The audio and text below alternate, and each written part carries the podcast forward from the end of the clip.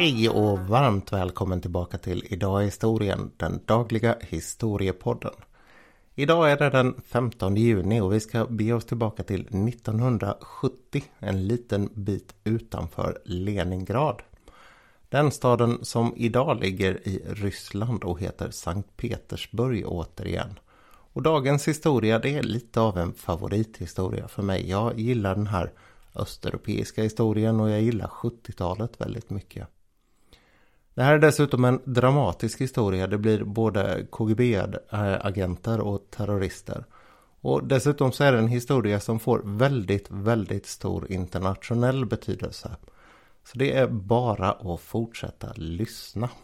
Men först en rolig historia därför att bra humor den lyckas ofta på ett kortfattat sätt rita upp en situation och sen dråpligt ställa den på ända och med en snygg poäng visa exakt var det är skon klämmer. Och det gör den här historien verkligen med 1970-talets Sovjet. En eh, tid i den här unionen när man styrdes under en av de märkligare ledarna, Leonid Brezhnev.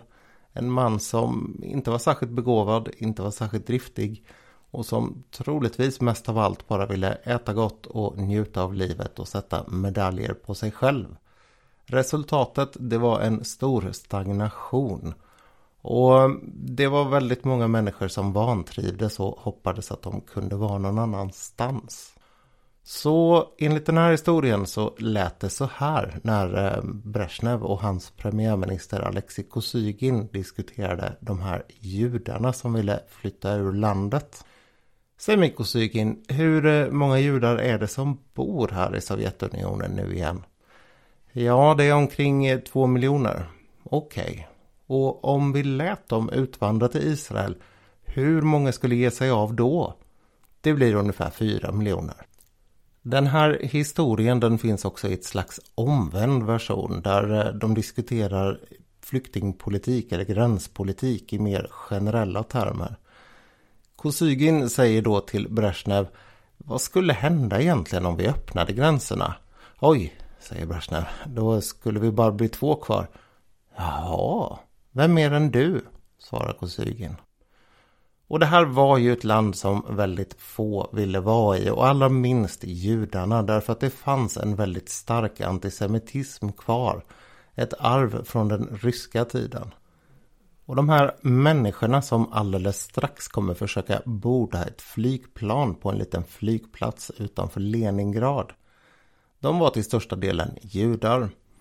De hade kommit på en briljant idé för hur man skulle kunna fly landet utan att utsätta någon annan för fara.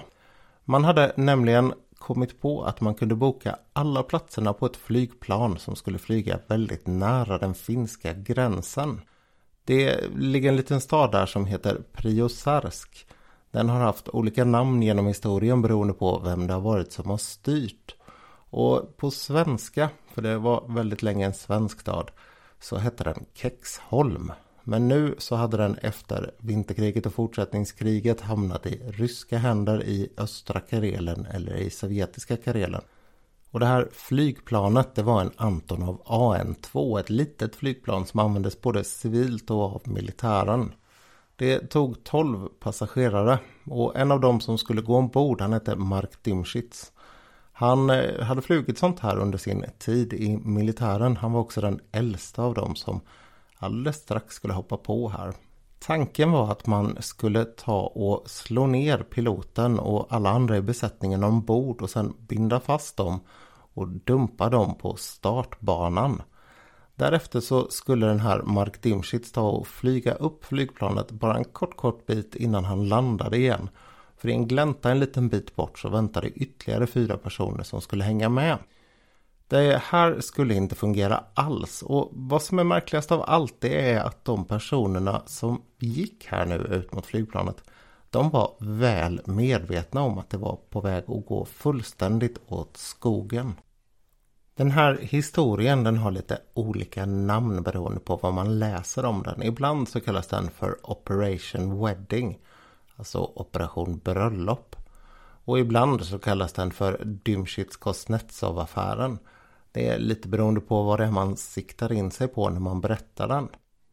Operation bröllop det kommer sig av att de påstod att de skulle på ett bröllop. Det var därför man bokade biljetterna, allihopa biljetterna. Folk som kände varandra. Och Dymchits Kuznetsov det handlar ju om de här två personerna som var ledare.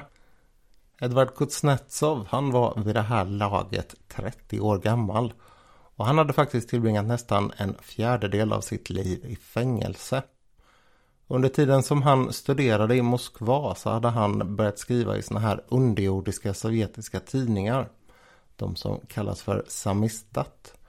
Det var såna här som en person satt och skrev på skrivmaskin och sen så gav man den till någon annan som läste den och skrev en kopia också. Och som sen delade den vidare.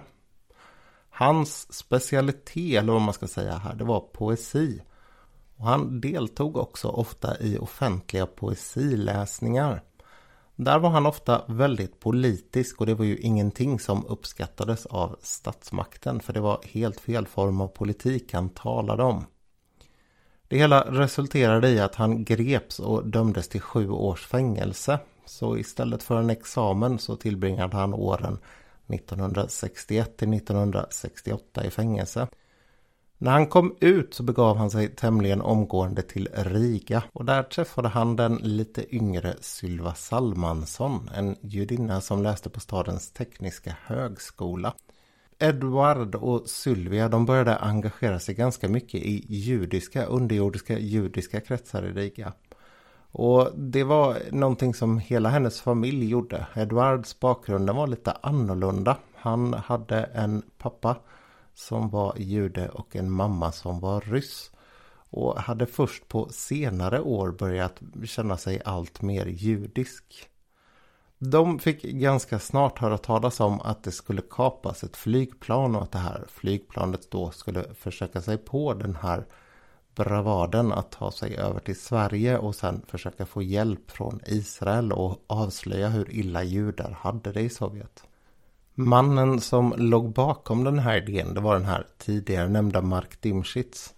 Han var lite äldre än de andra och han bodde inte i Riga, han bodde i Leningrad. Han hade varit militärflygare. Han hade givit sig in precis efter andra världskriget i flygvapnet och hade blivit major innan han gick i pension. Sen så hade sexdagarskriget inträffat och han hade hela tiden haft en känsla av att Israel behövde honom. Han hade nappat på fel sätt får man väl säga med sovjetiska ögon på den propaganda som sa att Israel skulle gå under när arabländerna runt omkring krossade det. Man beskrev väldigt gärna i Sovjet eh, Israel som en väldigt svag stat. Sen kom sexdagarskriget och han insåg att Israel faktiskt klarade sig ganska bra. Men det gav honom ännu mer lust att bege sig dit och det var där den här idén föddes. Problemet för honom det var som i den här roliga historien alldeles nyss att man inte fick lämna Sovjetunionen. Och det var så att om man ansökte om möjlighet att emigrera då gick alltid papperna via KGB. Man gjorde där en noggrann anteckning om att det här var en person som inte var särskilt förtjust i Sovjetunionen och ville lämna det. Och därmed så var på många sätt ens möjligheter att bygga ett bra liv borta. Så det gällde att man lyckades om man försökte ge sig iväg och för judar så var det ovanligt svårt att göra det. De flesta som ansökte de blev någonting som kallas för otkasnik på ryska. Eller som på engelska kallas istället för refuseniks. Nick det är ju en sån här ändelse på ryska som visar att det är en sorts person. Och vad det här betyder då, både otkasnik och refusnik, det är ju att det är en person som har fått avslag. Så den svenska versionen på det där, det skulle bli avslagsnix. Ungefär. Anledningen till att man fick avslag det var nästan alltid att man hävdades ha haft eller hade tillgång till statshemligheter och att man var spion då som försökte fly. Det sa också då att man försökte fly till Israel just var på grund av att man hade det här Alia uppfattningen som Israel har att om någon är eh, bakåt räknat jude så har man möjlighet att invandra till Israel. Det är ju många länder som har sådana här regler där man kan visa på någon form av påbrå så kan man flytta in. Och det fanns andra taktiker också då från Sovjets sida för att krångla till det för personer som skulle lämna landet. Eh, bland annat så kunde man låta ärenden dra ut på tiden i flera, flera år. Och för att göra det enklare att utvandra så var det många som valde att säga upp sig. Det var för att man då skulle inte kunna kopplas till de här idéerna om att det fanns statshemligheter som man hade tillgång till.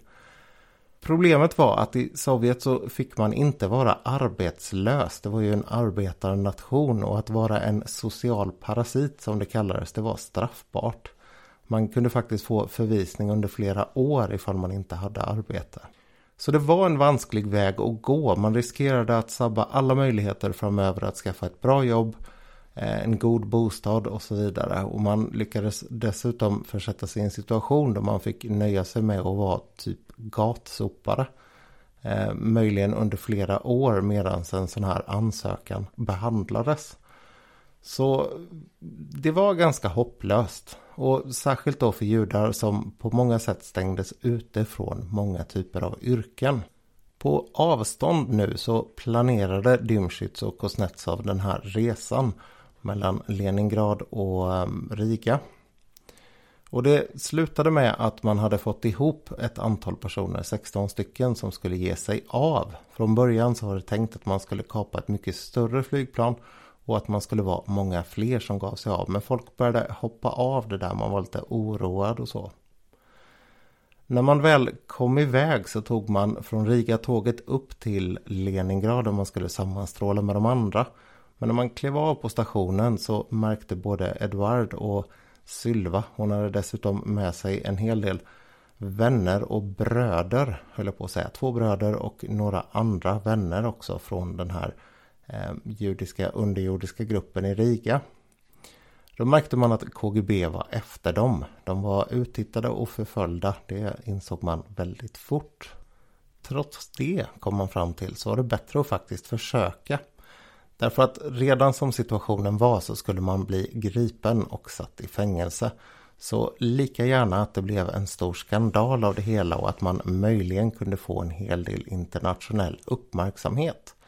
Någonting som kanske skulle leda till en förändring i möjligheten att flytta ut.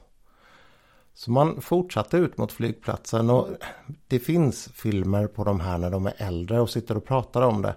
Och det är svårt att veta riktigt var de skämtar men så som de beskriver det där så såg de klart och tydligt att det satt folk i, ja, kulisserna höll jag på att säga nästan, men ute i buskarna och väntade på att bara få springa fram och gripa dem. I en lite mindre skämtsam beskrivning så säger de att när de var på väg framåt mot flygplanet förlåt, så kom det bilar från alla håll och tvärstannade och sen blev de gripna. Ungefär ett halvår senare så eh, blev det rättegång. Den pågick i olika omgångar och på olika platser mellan den 15 december och den 24 december 1970. Och straffen blev väldigt, väldigt hårda. Mellan 5 och 15 års fängelse eller straffarbete egentligen dömdes de flesta till. Men för Edward Kuznetsov och Mark Dimschitz så blev det dödsdom faktiskt för högförräderi. Det här kom ut till omvärlden och väldigt fort så reagerades det väldigt hårt på det här. Det var personer allihopa från Golda Meir som var premiärminister i Israel och Richard Nixon i USA, påven och andra som satte en stor press på Sovjet och det orimliga i det här tyckte man. Och det blev faktiskt en reaktion som gjorde att man först ändrade straffet till 20, nej, livstidsfängelse och sen till 25 års fängelse för de här två. För de andra så kortades straffen upp till fem år ungefär. Den verkligt stora effekten av det här det var dock en helt annan. Helt plötsligt så fick världen upp ögonen för att det fanns en väldig, väldig massa judar som ville utvandra ur Sovjet. Och man satte press på det här från olika håll världen över där det fanns mycket judar. Det var enorma demonstrationer på sina håll, främst i USA och i Europa men också i Israel såklart. Och det ledde faktiskt till en stor förändring av utvandringen från Sovjetunionen. Från att ha varit en ytterst liten mängd människor som släpptes ut ur Sovjet så gick det upp till hundratusental under 1970-talet. Det är lite olika siffror som beskrivs här och där men någonstans en bit över 300 000 människor utvandrade och av dem så var förmodligen ungefär två tredjedelar judar. De allra flesta de flyttade såklart till Israel och en hel del de hamnade även i USA. Det här är ju ett område där väldigt många askenatiska judar bor. Och många av dem hade ju också utvandrat under tiden före andra världskriget eller egentligen före Sovjets bildande till Nordamerika. Så man hade mycket stöd därifrån och man hade också släktingar att resa till. Det är ju enormt många kända judar som kommer från just den här delen. Men samtidigt då som alla de här människorna kunde flytta därifrån och bosätta sig egentligen var de ville så länge de blev mottagna så satt de här andra fortfarande kvar i fängelse. En av de första som släpptes det var Sylva Salmansson. Hon eh, blev del av en utväxling mellan Sovjet och USA där man utbytte spioner från USAs sida mot bland annat henne från Sovjets sida. Senare så släpptes några här och där får man väl säga efter att de hade avtjänat sina straff och till slut så släpptes också hennes man Edvard Kuznetsov. Hon hade då bland annat genomfört en lång hungerstrejk utanför FN för att rikta uppmärksamheten mot de här personerna. Och när de bara var tre kvar så började man prata om The Leningrad 3. Alltså ungefär de tre i Leningrad. Man såg det här väldigt tydligt som politiska fångar och man gjorde mycket för att ge Sovjet dåligt samvete för dem. Bland annat så var det en hel del politiker från Colorado som engagerade sig för att få loss de här. Och det gjorde man genom att skicka mängder med brev till dem och brev till olika personer på olika myndigheter i Sovjet. Bara för att man skulle veta att man hade på ögonen på dem. Ungefär så som Amnesty jobbar också. Samtidigt så hade ju också det här Helsingforsavtalet skrivits under vilket också ledde till att man startade den här Moskov-Helsinki-gruppen som på olika sätt såg eh, bristerna, får vi väl säga egentligen. Nej men som försökte se hur det gick att eh, följa vad man hade skrivit under i de här avtalen. Sovjet de fick ju ge efter för att ha mer grundlagsfästa mänskliga rättigheter och granskning av hur de sköttes efter Helsingforsavtalen. Um, och det där var ju någonting som gjorde det lättare för um, dissidenter inne i landet att rapportera ut. Så de här tre de blev väldigt kända fångar. Um, på samma sätt som uh, Jelena Bonner och hennes man um, Sacharov. Det har också diskuterats en hel del varför det var just de här tre som satt kvar längst. Och det intressanta är att två av dem, de är faktiskt de enda två som inte var judar ombord på flygplanet. Det anses nog generellt vara så att de fick sitta kvar längst därför att de på olika sätt krånglade väldigt mycket mot fängelset. Man gav inte vika en tum på sina religiösa uppfattningar. Till exempel den här juden som satt där då, Josif Mendelevich, han vägrade att eh, äta någonting annat än koshermat, alltså den här orena maten som kallas för traif. Och eftersom man inte gav honom någon sådan mat så levde han i princip bara på vatten och bröd och tappade massor med vikt och fick bristsjukdomar och sådär. Och sen fick man vårda honom för att han inte skulle dö och sen så började han att äta på samma vis igen. Dessutom så vägrade han att sluta bära sin sån här judiska mössa vilket var en, eh, ett brott mot eh, regelverket för hur ehm, lägerkläderna skulle se ut. Det gällde en av de kristna också som bar kors, det fick man inte göra. Så det här gjorde det ju ännu tydligare att de var en form av samvetsfångar. Mendelevich han släpptes till slut 81 och 84 och 85 så släpps de här två ryssarna också. Ganska snart så lämnar de landet. Ehm, den här förändringen i utvandring den höll i sig precis precis in i början av 80-talet. Sen började det bli svårare att utvandra igen. Och dottern till Edvard Kuznetsov och Sylva Salmansson en eh, kvinna som heter Anat Salmansson Kuznetsov. Hon har gjort en dokumentär om sina föräldrar och hela den här kapningen.